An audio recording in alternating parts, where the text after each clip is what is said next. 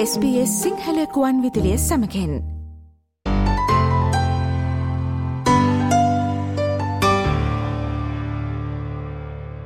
ඔස්ට්‍රලියාව මේ වන විට දැඩි නිපුණතා ශ්‍රමහිංගයකට මුහුණ දේ සිටිනවා. මේ හේතුවෙන් ඔස්ට්‍රලියාවේ විවිධ ශ්වේෂත්‍ර සඳහා නිපුණතා සංක්‍රමණයකින් යොදවන ලෙසට වන ඉල්ලීම්ද ඉහළයාමකුයි දක්නට ලැබෙන්නේ. මේ හේතුවෙන් අද කාලින විශේෂන්ගෙන් අවධානය යොමුවන්නේ ඔස්ට්‍රලයාාවේ ශ්‍රමහින්ගේට මුහුණදීම සඳහා නිපුණතා සංක්‍රමණයකින් ඉහළ දමන ලෙසට වන ඉල්ලීම් ඉහළයාම මෙහි ප්‍රතිඵලයක් වශයෙන් ඔස්ට්‍රලයානු අග්‍රාමාත්‍යවරයා පුහුණුව සහ වෘතිය අධ්‍යාපනය සඳහා වැඩි අරමුදල් වෙන් කිරීමට අදහස් කිරීම සහ හෙදියන් සූපවේදින් මුල් ළමාවිය ගුරුවරුන් මෙන්ම විදුරි කාර්මිකින් ඇතුළු ඔස්ට්‍රලියාවට වඩාත් වැඩි සේවකින් අවශ්‍ය වෘතීන් පිළිබඳව. ඔස්ට්‍රලයාාවේ දොළොස් වැනි ජාතික නිපුණතා සතිය ඒ ආරම්භ වූ අතර එය මේ මස විසි අටවනදා දක්වා ක්‍රියාත්මක වනවා. මේ මගින් විශේෂෙන්ම ඉදිරි වසර පහතුල පුහුණු ශ්‍රමිකෙන් අවශ්‍යව ඇති ඔස්ට්‍රලයානු රැකයා ශේෂත්‍ර කිහිපයක් ඉලක්ක කිරීම සිදු කරනවා. මේ වන විට පුරෝකතනය කොට ඇති ආකාරයට ලබන වස්සරේදී පමණක් ඔස්ට්‍රලයානු ඉදිකිරීම් ශේත්‍රය සේවකෙන් ලක්ෂයක හිඟයකට මෝන දෙනුවතැයි අපේක්ෂා කරනවා. එමෙන්ම දෙදහස් විසි පහවසර වන විට සෞඛ්‍ය හා ළමාරක්ෂක අංශයට නව සේවකෙන් මිලියන හතරක් බඳවා ගැනීමටත් අවශ්‍ය වන අතර මේ වන විට ඔස්ට්‍රලයාාවේ තොරතුරු තාක්ෂණ ශේත්‍රයත් සුදුසුකම්ලත් සේවකයෙන් නොමැතිව අරගලයක නිරත වනවා. යෙදිනේදී ඔස්ට්‍රලයානු අග්‍රාමාතය ඇන්තනි අල්බනිසි සිරෝනි ජුවලස් වෙත සංචාරයක නිරත වූ අතර එහිදී ඔහු සඳහන් කොට සිටියේ එම ව්‍යාපාරය ඔස්ට්‍රලියාවට පැමිණි සාර්ථක සංක්‍රමණයකුකුට උදාහරණයක් වන බවයි. මීට වසර පණහකට පෙර ඉතාලි සංක්‍රමණයකෙන් විසින් ආරම්භ කරන ලද එම ව්‍යාපාරය වසර ගන්නාවක් පුරා සිය ගන්නක් සේවකින් සේවේ යොදවා තිබෙනවා. ඔස්ට්‍රලයන් වගමැතිවරයාත් සඳහන් කොට සිටියේ මෙහි හිමිකරු සෑම වසරකදීම ආදුනිකින් කිහිප දෙනෙකුට කුසලතා වර්ධනය කර ගැනීමට අවස්ථාව ලබා දෙන බවයි. Uh, Nick has always insisted on having at least five or six apprentices come in every year. Building up that skills base. එමෙන්ම ඔස්ට්‍රලයානු අග්‍රාමාතය ඇන්තනි අල්බනීසි ජාතික නිපුණතා සතියේ ආරම්භය සනිටුහන් කරමින් සඳහන් කොට සිටියේ පුහුණුව සහ වෘතිය අධ්‍යාපනය සඳහා වැඩි ප්‍රතිපාදන ලබා දෙන්න බවයි. එමෙන්ම මේ අතර ගැටලුකාරී තත්වයකට මේ වන විට මුහුණදී තිබෙන ඔස්ට්‍රලයානු ශ්‍රමහිගියට එරහිව සටන් කිරීම සඳහා නිපුණතා සංක්‍රමණය ඉහළ දමන ලෙසට රජ්‍යයට වන ඉල්ලීම්ද ක්‍රමයෙන් ඉහළයමින් පවතිනවා. අගමතිවරයා පෙන්වා දුන්නේ සංක්‍රමණකින් මෙම ගැටලුව සඳහා එක් විසඳුමක් වන බවට තමන් අනුමත කරන අතරම ඔස්ට්‍රලයානුවන්ගේ කුසලතා වර්ධනය කිරීම සහ පුහුණුව ලබාදීමත් සිදු කළ යුතු බවයි. I make no apologies for saying that migration is part of the solution, but it's not the only part. Training and giving Australians skills, uh, we want to give Australians those opportunities.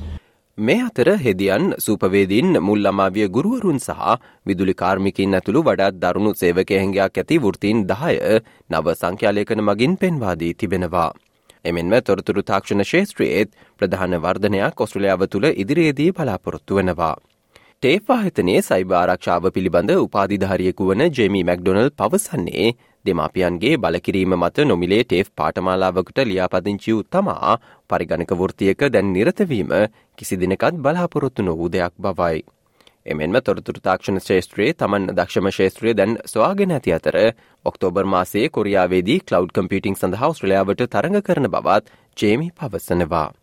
එමෙන්ම තමන්ට මෙම අවස්ථාව ලැබීම ගැන අතිශය සතුටුවන බවයි ඔහු සඳහන් කරන්නේ. I definitely spent a lot of time on the computer at school. Um, did a IT course in year 12 actually, but never was like, you know, heavy into the computer or IT skills. Doing the advanced diploma um, and having this cloud computing pathway open up for me, it's just, it's huge. So, because I wouldn't have, probably never would have considered cloud computing prior to it. So I'm really glad the opportunity. ඔස්ට්‍රලයානු ඉදිකිරීම් ශේත්‍රය සහ civil ඉංජිනේරු ශේත්‍රය කුසලතා යළි ගොඩනැගීමේ කේන්ද්‍රය ලෙස හඳුනාගෙන ඇති අතර සෞඛ්‍ය සේවා සහ සමාජ ආධාර අංශවලට දෙදහස් විසි පහ වසර වන විට තවත් සෙවකෙන් මිලියන හතරක් අවශ්‍ය වනු ඇති බවට ඇස්තමේන්තු ගත කොට තිබෙනවා. මේ සම්බන්ධයෙන් අදහස් දක්වමින් මානව සේවා නිපුණතා සංවිධානයේ ප්‍රධාන විදායක නිලධහරී චෝඩේ ශ්මිඩ් පවසන්නේ එය නිරන්තර කාර්යමණ්ඩල හිඟේකට මුහුණ දෙන ශේත්‍රයක් වන බවයි. මේ හේතුවෙන් එමාංශවල රැකියා කිරීමට වැඩි පිරිසක් ආකර්ෂණය කර ගත යුතු බවත් ජෝඩි පවසනවා. We really need to attract more people to work in those sectors and to value them in the way that they need to be valued as they deliver really critical services that drive our well-being and, and our health. COොVID-19 ව්‍යාප්තියත් සමග සංචාරක තහනම් දැමීම හේතුවෙන් ජාත්‍යන්තර සේවකින් මත යැපීම් සිදුවන ඔස්ට්‍රලයානු ශේත්‍ර රැසක් මේ වන විට ඉස්මතු වී තිබෙනවා. ජාතික නිපුණතා සතියේ නියෝජිතීන් පවසන්නේ ඔස්ට්‍රලයාාවට වන ජාත්‍යන්තර සංක්‍රමණ පූර්ව බසංගතය මට්ටමට වඩා අඩුවෙන් තවමත් පවතින අතර වෘතිය පුහුණුව සඳහා වැඩි පිරිසක් ආකර්ශණය කර ගැනීම ඉතා වැදගත් වන බවයි. ජාතික නිපුණතා සතියේ සභහපති වන බ්‍රයින් වෙක්සම් පවසන්නේ පාසල් අධ්‍යාපනය අවසන් කළ පිරිසට සහ නැවත කුසලතා වර්ධනය කිරීමට බලාපොරොත්තු වන පිරිසට තම විකල්පයන් සලකා බැලීමට සහ අනාගතයේදී ඉල්ලුමට ලක්විය හැකි වෘතීන් පිළිබඳව අවධානය යොමු කිරීමට දැන් කාලය ලැබැති බවයි. මෙම සතිය තුළදී නිපුණතා සහිත ශ්‍රමිකෙන් අවශ්‍ය රැකයා ශේෂත්‍ර කිහිපයක් ඉස්මතු කරන අතර ඔස්ට්‍රලයාාවේ පුහුණු ශ්‍රමිකෙන් ඉහළ දැමීමට අවශ්‍ය වන බවත් බ්‍රයන් අවධාරණය කරනවා. We need skilled workers. And the week is really to highlight some of those career pathways and to encourage young people and mature age workers as well to get involved and have a look, put their Let's Explore hat on. ඔස්ට්‍රලයානු මධ්‍යම රජය ලබන මාසේදී රැකයා සහ නිපුණතා සමුළුවක් පැවැත්වීමට සූදානම් වෙමින් සිටිනවා. මේ හේතුවෙන් රජය පවසන්නේ උග්‍ර සේවක හිංගයක් පවතින ශේත්‍ර සඳහා සිසුන්ට අමතර ටේෆ් ඉගෙනුම් ස්ථාන හතලිස් පන්දහසක් ලබාදීම සිදු කරන බවයි. මෙම සමුළුව මගින් ශ්‍රම වෙළඳ පොලේ ඉදිරි මාර්ගය තීරණය කිරීම සඳහා ප්‍රාන්ත සහ ටෙරටරි රජයන් මෙන්ම කර්මාන්ත පාර්ශවකරුවන්ද එක්කිරීමත් සිදු කරනවා. ඔස්ට්‍රලාවේ වීස සහ සංක්‍රමණ සම්බන්ධ නවතම තොරතුරු ඔබට ස්බේ සිංහල සේවේ වෙබ් අඩවියෙන් දැනගත හැකි. ඒ සඳහා www.sbs.com.tu/ සිංහලයන අපගේ වෙබ් අඩවියට පිවිස ඉහළ තීරුව ඇති ආගමන සහ පදිංචිවීම් ලෙස නම් කොට ඇති වෙබ් පිටුවට පිවිසන්න.